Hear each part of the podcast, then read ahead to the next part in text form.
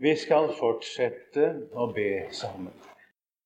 Vi takker deg, Herre Jesus Kristus, at du har gitt oss et budskap fra himmelen som vi blir frelst ved. At det er mulig for oss her på jorden å møte deg personlig og få det evige liv og bli født på ny. Herre, takk at det er mulig for oss å få gå på den vei som fører til livet, som havner hjemme hos deg i den evige salighet. Herre, nå ber jeg at dette må skje med oss som er samlet her. Og jeg ber at vi hver og igjen kunne være redskap for deg som du får bruke overfor våre medmennesker. Og du kunne bli kjent og mottatt. At du, Jesus, kan bli æret og trodd på. At menneskene kan finne deg fordi du fikk bruke oss også. Og så ber jeg her jeg står i dag, Jesus, om alt som jeg trenger. Og jeg trenger å få alt. Herre, du som sier et menneske kan ikke få noe uten at det blir gitt ham fra himmelen. La det bli gitt meg fra himmelen her og nå, Jesus, i ditt navn. Amen. Vi skal i dag samles om det Guds ord som er satt opp som evangelietekst på denne åttende søndag etter trefoldighet. Det står i Matteus evangelium kapittel 7, og det er da egentlig vers 15-21. Men nå kommer jeg til å lese litt mer. Jeg vil begynne på vers 13, og så vil jeg lese til og med vers 27 fra Matteus 7, altså vers 13 i Jesu navn. Gå inn gjennom den trange port. For den port er vid, og den vei er bred, som fører til fortapelsen. Og mange er de som går inn gjennom den. For den port er trang, og den vei er smal, som fører til livet.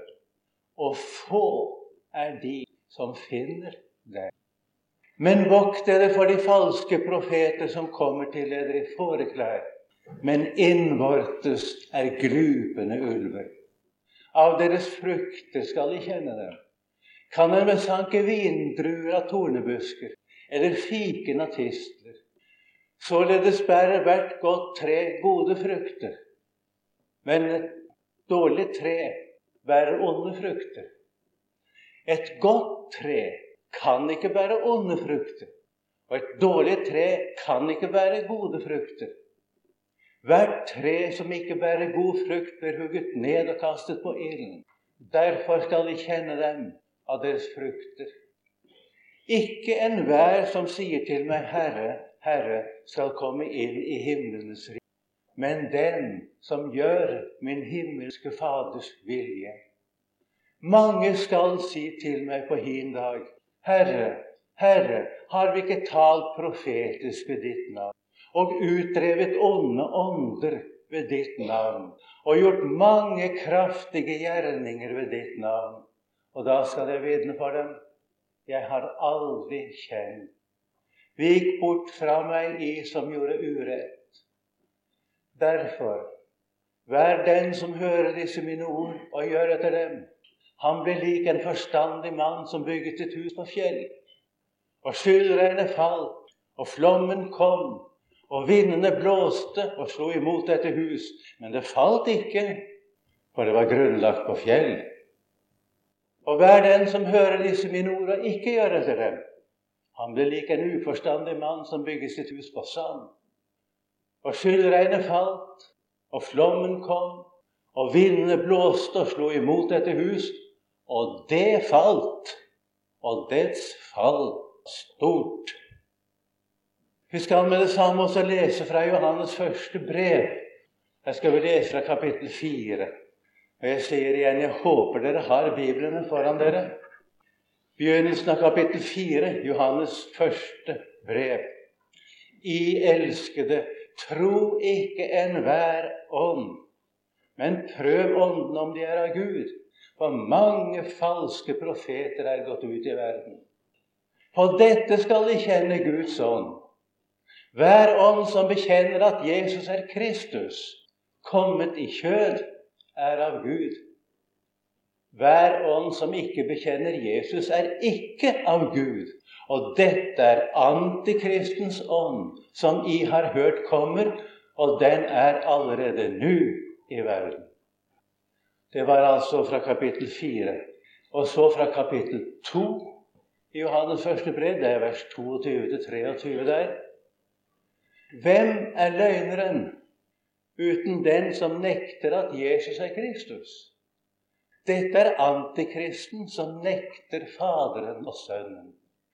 Hver den som nekter Sønnen, har heller ikke Faderen. Den som bekjenner Sønnen, har òg Faderen.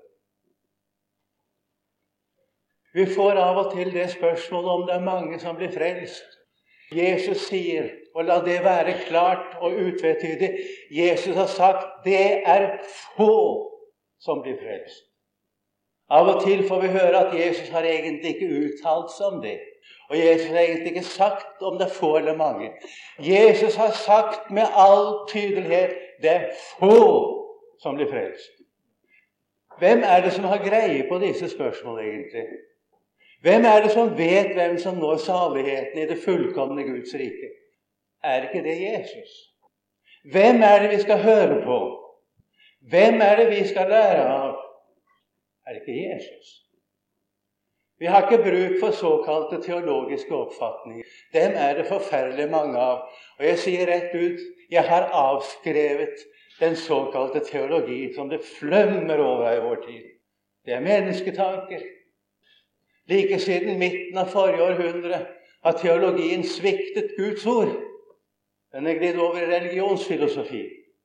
Derfor blir det ofte så stor forskjell på det som læres teologisk, og det som Skriften sier. Men det er ingen annen virkelig teologi enn det som finnes i Bibelen. Og de som er teologer, det er de som er lært av Gud, som Jesus sier, om Gud. Han sier om dem som er født på ny, de er alle lært av Gud. Det gjelder for oss å holde oss til hva Bibelen lærer ikke såkalte teologiske oppfatninger. Vi kan ikke spørre den teolog eller den eller hin. Er det mange som blir frelst? Vi må spørre Jesus. Jesus sier til sine disipler her i Bergprekenen For Bergprekenen er jo en tale til Jesu disipler. Den port er vi. Den vei er bred, som fører til fortapelsen. Og mange er de som går inn gjennom den. Den port er trang, og den vei er smal, som fører til livet. Og få er de som finner den. Et menneske kan ikke finne den trange porten av seg selv. Den blir også åpenbart i Guds ord. Og et menneske kan ikke bli frelst uten gjennom Guds eget ord. Og bare der hvor Guds ord kommer til et menneske, og et menneske som Jesus sier her, han gjør etter Guds ord. Han tar det til seg. Han innretter seg etter det.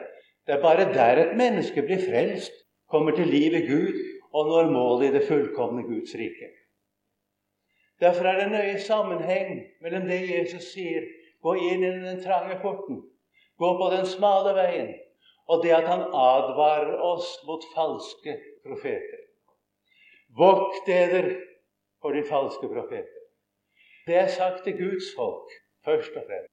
Denne advarselen gjelder naturligvis alle mennesker. For alt Guds ord har budskap til alle mennesker. Også Bergpreken, som er en tale til Guds folk, har budskap til alle mennesker. Men det må forstås ut fra den adressen det har.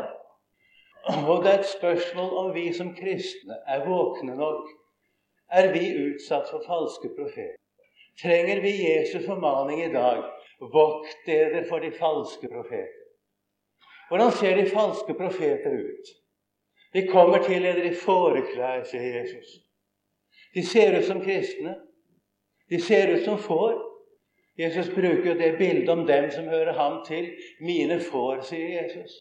Og det som kjennetegner hans får, de som hører ham til, er mine får hører min røst. Da kan du sette en strek under ordet 'min'. står i Johannes 14, 27. Mine får hører min røst, og de følger meg, sier han. Og jeg gir dem evig liv, Og de skal aldri i evighet fortapes, og ingen skal rive dem ut av min hånd. Min Fader som har gitt meg dem, er større enn alle, og ingen kan rive dem ut av min Faders hånd. Det var altså Johannes 10, vers 27-29 som jeg siterte der. Mine får hører min røst. Nå kommer det noen som ser ut som får. De kommer i fåreklær. Men innvortes kommer de for å kreve noe. De kommer for å ha fordel av Guds folk. De er innvortes glupende ulver. Og så er det spørsmål hvem er disse, da? Av deres frukter skal de kjenne dem, sier Jesus. Det er to slag falske profeter Jesus taler om her. Først sier han et, dette med frukt. Du kjenner dem av deres frukter. Kan nemlig sanke vindruer av tornebusker eller fiken av tistler. Et godt tre bærer god frukt. Et dårlig tre bærer ond frukt. Og som Luther sier, onde og gode gjerninger det kan ikke skape onde eller gode mennesker. Men gode eller onde mennesker, gode eller onde gjerninger. Frukt Vi vet hva det er i Guds ord. Det er det sinn som er født av Gud. Det taler Guds ord meget tydelig om. Det er kjærlighet, glede, fred. Det som vi talte om den dagen, det betyr egentlig den himmelske harmoni. Langmodighet, mildhet, godhet. Ja, godhet, du. Trofasthet, saktmodighet. Det at det er vitterlig, da er det saktmodighet blir vitterlig for alle mennesker, sier Guds ord. Det betyr at det blir vitterlig for alle mennesker at du har satt din lit i Herren. At du stoler på Herren i alle ting. Saktmodighet, avholdenhet.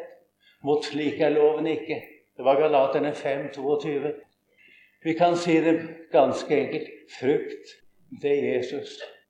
At Jesus åpenbares, at Jesus blir kjent. Det er frukt. Der Jesus kommer, der er det frukt. Og det er det Jesus også selv har sagt.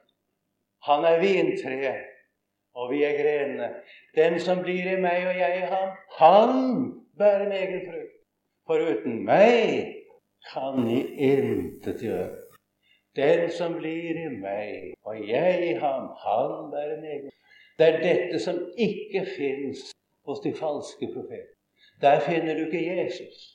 Ikke den Jesus som Skriften vinner om. Ikke den Jesus som er kommet fra Gud, som er Guds sønn og kommet til jorden. Han finner du ikke hos de falske profeter. Det er det første Jesus taler om her. Og de han har i tankene nå, det er jo først og fremst de skriftlærde og fariseerne som han hele tiden har advart mot i bergprekenen. Det var folkets lærere som var deres villedere. Det var folkets lærere som var deres forførere. Og det var folkets lærere som var som glupende ulver, som skulle, ha, skulle utnytte folket. Vi vet også fra andre ord av Jesus. Hvordan så de ut? Om du hadde møtt fariseerne, burde du blitt overrasket. De var høyverdig moralske. Ja, veldig nøye med sitt liv. Du kan tro de prøvde å innrette sitt liv etter Guds lov. Veldig nøye. Og mange i dag ville sagt at det må da være gode kristne mennesker som er så nøye på hva de gjør, og på hva de sier, og på hvordan de er. De var Jesu Kristi fiender. De lærte det at et menneske hvis det fikk kraft fra Gud, så kunne et menneske bli slik som Gud ville ha det. Men det var ikke spørsmål om frelse. De tålte ikke Jesus. De tålte ikke budskapet om forsoning. Og det som fariseerne og de skriftlærde fremfor alt hatet Jesus for, det var det han sa, at han var kommet for å sone synd og gi sitt liv til løsepenger for mange. Hva skulle de med en slik Messias? Og her har vi fått et kjennetegn som er veldig aktuelt i dag, og som vi leser i Johannes første brev, som du hørte i kapittel 4. I elskede tro ikke enhver ånd. For mange falske profeter er gått ut i verden. For dette skal de kjenne Gud som. Hver ånd som bekjenner at Jesus er Kristus, kommet i kjød, er av Gud. Ja, hva betyr det? Å bekjenne at Jesus er Kristus kommet i kjød. Det står i kapittel 5 i Johannes første brev som tegn på gjenfødelse. Vær den som bekjenner at Jesus er Kristus. Han er født av Gud, står det. Ja, hva betyr det? At Jesus er Kristus. Kristus det betyr altså den salvede. Det er det samme ord som Messias. Messias er hebraisk, og Kristus er gresk. Den salvede. Den som var salvet i Gamle testamentet, det var for det første ypperste presten. Han var salvet for å være mellommann mellom Gud og menneske. Men han er bare et forbilde og en anskuelsesvisning på ham som skal komme. Når Jesus kalles den salvede, så betyr det at han er selve mellommannen. Det er én Gud og én mellommann mellom Gud og menneske, mennesket Jesus Kristus, som det står i Galaterbrevets tredje kapittel. Det er ingen annen. Videre var profeten salvet. Jesus er profeten. Ikke én profet, men selve Guds ords opphavsmann og forkynner. Forfatteren til Bibelen. Og kongen var salvet. Jesus han er kongenes konge og herrenes herre. Og så er det en ting til. Messias, det var Guds utsending. Det kunne vært så meget å si, men tiden rekker ikke til. Guds utsending, som vi leser om f.eks. i 2. Mosebok kapittel 3. Det står om Herrens engel. Engel betyr utsending. Angelos, det er gresk. Maliach heter det på hebraisk. Moses så en engel. Denne engelen åpenbarte seg en tornebusk som brente uten å brenne opp. Og så står det der at da sa Herrens engel til Moses Jeg er din fars Gud. Jeg er din fars Gud. Abrahams Gud. Isaks Gud. Jakobs Gud. Og denne engelen er det. Han er Gud. Det er Gud som sin egen utsending. Og dette oppfylles på Jesus. At Jesus er Messias, betyr at han er Guds sønn. At Guds sønn er kommet i kjød. At Guds sønn er et virkelig menneske. At dette mennesket har tatt bort våre synder. Det er det grunnleggende. Det som alt kommer an på i å bekjenne seg til Jesus. Og Når det står 'hver ånd som bekjenner', så betyr det at den som forkynner dette, selv eier det som han forkynner. Du kan ikke bekjenne noe som du ikke har. Du kan ikke bekjenne noe som du bare vet. For å bekjenne noe må du ha tatt imot det. Du må eie det, du må ha det. Hver ånd som bekjenner at Jesus er Kristus, kommet i kjød, er av Gud. Den som ikke bekjenner Jesus, er ikke av Gud. Det er til å få forstand av i vår tid som er full av falske profeter. Tenk på den Jesusbevegelsen rundt om i verden som nekter at Jesus er Guds sønn, som ikke vil vite en stedfortredende soning. Men de bekjenner en Jesus. Tenk på de som snakker om Jesus som en superstar. Han er så visst ingen superstar. Det er så åpenbart, og enda er det kristne mennesker som biter på dette. I Peters annet brev står det i begynnelsen av kapittel 2 det oppsto også falske profeter blant folket.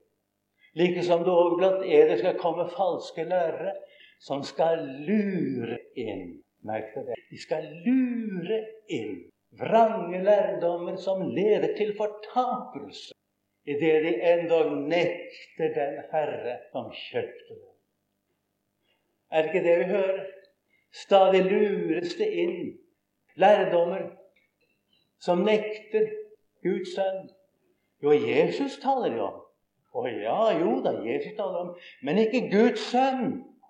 Jesus taler om, men ikke en stedfortreder og forsoner. Jesus taler om, men ikke en som har tatt bort våre synder. Og langt ifra. Jeg talte med en ortodoks jøde, en rabbiner og en leder, som i vår tid representerer akkurat det samme som fariseerne på Jesu tid gjorde og spurte hva mener dere f.eks. om Messias 53. Jo, sa han, det er om Israel som må bære straff i ørkenen for sine synder. Ja, hva mener dere da? Dette om den store forsoningsfest i Israel? Det er ikke tale om noen forsoningsfest i den forstand. sånn. Det er anger og bot det er uttrykk for. Det er ikke noe mer. Han sa det at de forkastet enhver lære om en stedfortredende soning. Da spurte hva de mente om Guds sønn. Så sa han Gud har naturligvis ingen sønn. Så vendte han ryggen til meg og gikk. Jeg fikk en liten, meget liten anelse om hva Paulus hadde å stå imot i sin tid. Han forkynte Guds sønn. Det er mange i dag som forarges. Jeg har fått føle det, du. Fordi vi forkynner Guds sønn, og fordi vi forkynner en stedforredende soning, og fordi vi forkynner det er evig liv for den som tror på Guds sønn. Men det er dette Skriften er.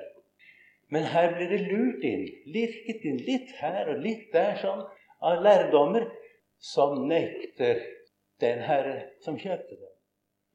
Og I 1. Timotius brev, i det fjerde kapittel, sier apostelen Paulus fra begynnelsen av kapittelet Ånden sier med tydelige ord at i de kommende tider skal noen falle fra troen idet de holder seg til forførende ånder og djevlers lærdommer. Det er sterke ord. Forførende ånder og djevlers lærdommer ved hykleri av falske lærere. De falske profeter er populære. Det var det i Israel. Og Et av kjennetegnene på falske profeter er at de taler det som folk gjerne vil høre. Folk vil gjerne høre om moral. Folk vil gjerne høre om Gud. Og det er en Gud fadertro som er meget populær. En allmenn religiøs Gud fadertro. Hvis du forkynner den Gud er alle menneskers far. Vi kan da bare bekjenne våre synder, så får vi tilgivelse, og så er alt i orden. Hva skal vi egentlig med en stedfortreder? Hva skal det egentlig til med en soning? Kan ikke Gud bare tilgi? De nekter Guds hellighet. De nekter jo uten å skjønne det selv at Gud kan ikke gå på akkord med synd. At synden, den må tas bort. Dette forstår de ingenting av. Det forkynnes en rent allmennreligiøs Gud Fader-tro. Så kommer Gud og sier at den som nekter Faderen og Sønnen, det er Antikristet. Og hør hver den som nekter Sønnen, har heller ikke Faderen. Den som bekjenner Sønnen, har òg Faderen. Å få Gud til far, det beror på at jeg har Jesus til frelse. Har jeg ikke Jesus til frelse, har jeg ikke til. Det sier Guds ord. Og her ser du da at Guds ord gjør en veldig forskjell på dem som tror på Jesus, og som ikke gjør det. Det er en aldeles uoverstigelig kløft mellom de som tror, og de som ikke tror, etter Guds ord. Dette må du ikke si i dag. For elleve år siden talte jeg Norsk Rikskringkasting. Hadde et par andakter. Etterpå ble det betydet meg meget tydelig at jeg hadde gjort noe som ikke måtte gjøres. Jeg hadde talt om at det var to slags mennesker her i verden. Det var troende og ikke troende. Det skal ikke tales om at det er to slags mennesker her i verden. Og tenke på hva biskop Høek skrev i sin tid, i begynnelsen av dette århundret, i boken 'Mot strømmen'. Prestenes største synd, sier han, er den. Og i dag kan vi også ta med mange mange predikanters største synd også. Er den at de ikke gjør det klart for sine tilhørere at Guds ord aldeles ikke har det samme å si til de troende som til verden. Det må lyde klart til verdens mennesker. Omvend deg. Vend om til Jesus. Du kan ikke fortsette på den veien du er, og så havne i himmelen. Det er satt en port. Den virker veldig trang for oss mennesker. Ikke fordi det er trangt hos Jesus, men fordi vi er som vi er. Men jeg satt en port. Den ser du ikke. Unntagen du følger Guds ord. Da får du se den. Det er få som finner den fordi de ikke følger Guds ord. Men hvis du følger Guds ord, da finner du den. Gå inn gjennom den. Så kommer du inn på en vei. Den virker så veldig smal, den veien. Og jeg må si at av hele mitt hjerte å, ønsker jeg å gå på denne smale veien. Det er noen som går på den brede veien og lager seg selv en smal vei på den brede. Viktor Johansson kjente jo godt den forstanderen i Misjonsalliansen i Sverige. Han er død for atskillige år siden nå. Han sa det var en far som var ute og gikk i snevær med sin sønn. Så gikk de på veien, og så hadde sønnen en liten sneplog som han hadde fått, og som han dro etter seg. Og så sier han, 'Pappa, jeg lager en smal vei på den breda.' Og det brukte han som bilde. Det er mange som strever med seg selv. Det er mange som lager seg en kristendom selv. Det er mange som lager seg selv en smal vei på den brede. Det kan hjelpe. De har gått utenom Jesus. Og det som kjennetegner dem, er de har gått utenom forsoningen. De har gått utenom forløsningen i Kristus Jesus. Og det blir sagt fort vekk i dag det blir prekt for meget nåde. Vi preker for meget om forsoningen. Og da sier jeg nei! Jeg hører jo atskillig prekt. Det er lenge mellom hver gang jeg hører evangeliet. Jeg hører atskillig, men det er faktisk lenge mellom hver gang jeg virkelig hører evangeliet. Jeg hører ofte noe som ligger nær opptil. Men ingen vranglære er så farlig som den som er nesten riktig. Intet er så langt fra sannheten som det som nesten ser ut til å være sannheten. Det er det farligste. Du kan kjenne det på frukten. Det blir ikke liv i Gud uten med Jesu Kristi forsonings nåde. Men den fører et menneske til en fødelse, som Jesus henviste Nikodemus til. Han henviser Nikodemus til korset, til forsoningen, til Han som elsket verden slik at han ga sin sønn den enbårne, for at hver den som tror på ham, ikke skal fortapes, men ha evig liv. Det er der vi blir født på ny. Der er jeg blitt født på ny, og mange her i denne forsamling. Den som har Sønnen, han har livet. Den som ikke har Guds sønn, han har ikke livet. Derfor består det evige liv, som Jesus selv sier, i å kjenne ham. Og dermed kommer vi til en annen slags falske profeter. Mange skal si til meg på hin dag Herre, Herre, har vi ikke talt profetisk ved ditt navn? Utdrevet onde ånder ved ditt navn og gjort mange kraftige gjerninger ved ditt navn. Og da skal jeg vitne for dem jeg har aldri kjent dere. Her er altså folk som aldri har vært kristne. Jesus har aldri kjent dem, sier han. Den som kjenner Jesus, han er også kjent av Jesus, for de to ting følges ad. Jeg kjenner mine og kjennes av mine, sier Jesus. Her er tale om dem som ikke har kjent Jesus noen gang og heller ikke er kjent av ham. Men de har brukt Jesu navn, og Jesu navn har beholdt sin kraft gjennom dem. Og det har skjedd store ting gjennom dem som Gud har brukt, naturligvis. Gud har brukt disse menneskene. Det er ikke tvil om. De har altså talt profetisk, og de har drevet et onde ånder. Og de har gjort mange kraftige gjerninger, som f.eks. å helbrede syke og meget annet. Og det er liksom det det har gått ut og gjennom dette har de hevdet seg selv. De har brukt alt dette for å hevde seg selv. Det er mistenkelig, du, når slike ting blir frem, fremholdt som at dette her Ja, dette må vi ta sikte på. Jeg undres på om vi er våkne i dag. Det skjer mange helbredelser blant Guds folk. Jeg vet selv om det. Jeg har selv fått be for syke, og jeg har sett syke bli friske. Men det er veldig farlig å begynne å snakke om det. Spørsmålet er om vi kjenner Jesus. Gud kan bruke et menneske, og et menneske kan bruke Jesu navn, og det beholder som sagt sin kraft gjennom et menneske. Men Jesus karakteriserer hele deres virksomhet som urett. Vik bort fra meg, som gjorde urett. Ofte kan man høre man sier at Gud bruker et menneske. Gud har vedkjent seg det mennesket, sier man, fordi det har skjedd store ting. Det er ikke noe bevis på at Gud har vedkjent seg et menneske. Spørsmålet er kjenner jeg Jesus?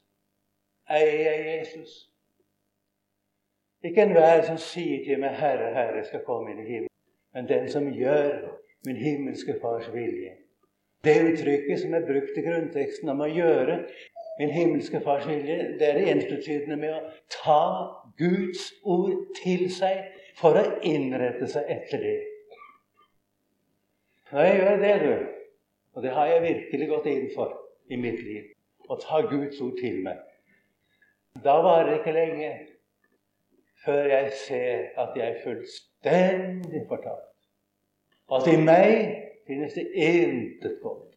Jeg blir avkledd og naken Og det går som det står i Hebreerbrevet alt ligger nakent og bart for Hans øyne som vi har å gjøre med. Så at Guds ord er levende, det er skarpere enn noe tveget sverd. Og så trenger de gjennom. Og Gud være takk at det har virkelig skjedd her disse dagene også. At Gud har trengt igjennom. Det er ikke nok å stå og holde kristelige foredrag. Det er ikke forkjørelse. At Guds ord trenger igjennom. Gjør vi etter Guds ord, så trenger det igjennom. Og da har jeg ingen unnskyld. Da står jeg for Guds ansikt. Men jeg blir ikke stående der med det. Det kommer mer. Gjennom Guds ord blir frelsen åpenbart for meg. Og så blir mitt liv bygget på fjell. Derfor, hver den som hører disse mine ord og gjør etter dem, han blir lik en forstandig mann som bygger sitt hus på fjell. Det burde vært oversatt med klippe. Og overalt ellers i Bibelen er dette ordet oversatt med klippe. Jeg begriper ikke hvorfor det her er oversatt med fjell.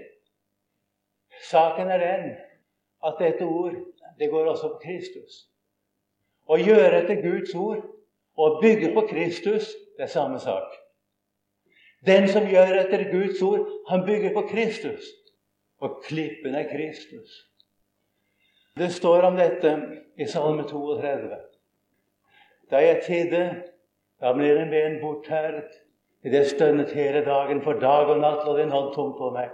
Men jeg sa, jeg bekjente min synd for deg, jeg skjulte ikke min skyld. Jeg sa, jeg vil bekjenne mine misgjerninger for Herren, og du tok bort min syndeskyld. Så lenge et menneske prøver å skjule seg for Gud, og prøver å unnskylde sine synder og skjule sine synder, blir de åpenbare. De er skrikende åpenbare for Gud så lenge et menneske selv prøver å skjule sin synd. Men den, når den dagen kommer kan si 'Jeg bekjente min synd'. 'Jeg skjulte ikke min skyld'. Da er det Gud skjuler min skyld. Så står det 'Derfor beder jeg fram til deg den tida'. Visselig, når store vannflommer kommer, til ham skal det ikke nå. Og vi ser at det Jesus gjør her i bergpreken, det er å sitere det uttrykket fra Salme 32. Derfor burde det vært oversatt litt annerledes. Når store vannflommer kommer, til ham skal det ikke nå. Hvorfor det? Salig er det mennesket hvis synd er, hvis forlatt, hvis synd er skjult. Og så står det videre der Du er mitt skjul. Ja, min synd er skjult. Gud har skjult den, og da er den godt skjult. Jeg kommer ikke dine synder i huset, sier han. Og jeg spør deg, har du gjort dette Guds ord? Har du gjort dette Guds ord? Er du innstilt på å leve etter Guds ord? Er du en forstandig mann? Skyldregnet falt, flommen kom, vindene blåste og slo imot et hus. Men det falt ikke, for det var grunnlagt på fjell. Vi blir stående i Guds dom, vi som tror på Jesus. Og vi har det løftet over oss av Jesus selv. 'Jeg skal oppreise ham på den ytterste dag'. Gud være takk. Men hver den som hører disse mine ord, ikke gjør etter dem. Han blir like en uforstandig mann som bygger sitt hus på sand. Det er ikke nok å vite dette. Det er ikke nok å synes at dette er godt. Bruk det. Den som hører uten å gjøre etter det, han bygger altså sitt hus på sand. Og skyldregnet falt, og flommen kom, og vindene blåste og slo imot dette hus. Og det falt! Og dets fall var stort. For skjønner du hva Herren ville ha sagt oss i dag? Og jeg spør deg nå kjenner du Jesus? Jesus kaller på deg som ikke kjenner ham. Han er i sitt eget ord. Og hvis du nå tar det til deg for å gjøre etter det, blir du frelst.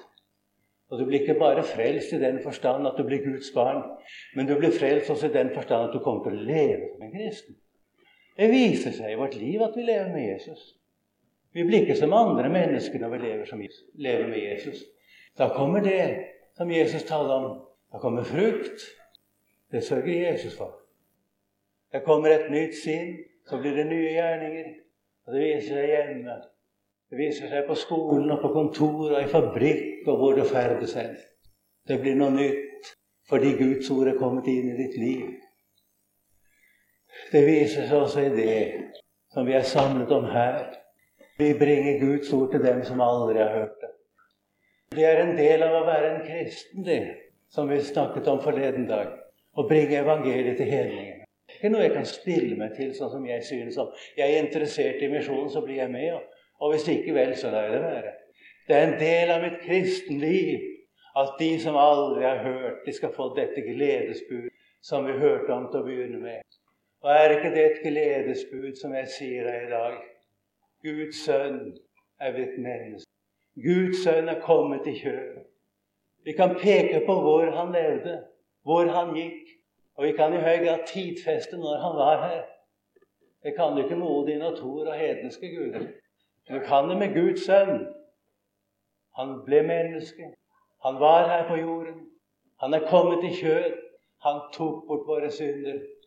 Og så tok han plassen etter han hadde stått opp av graven, tok han plassen ved Faderens høyre hånd i himmelen som menneskesønn. Han kom hit som Guds sønn og ble menneskesønn.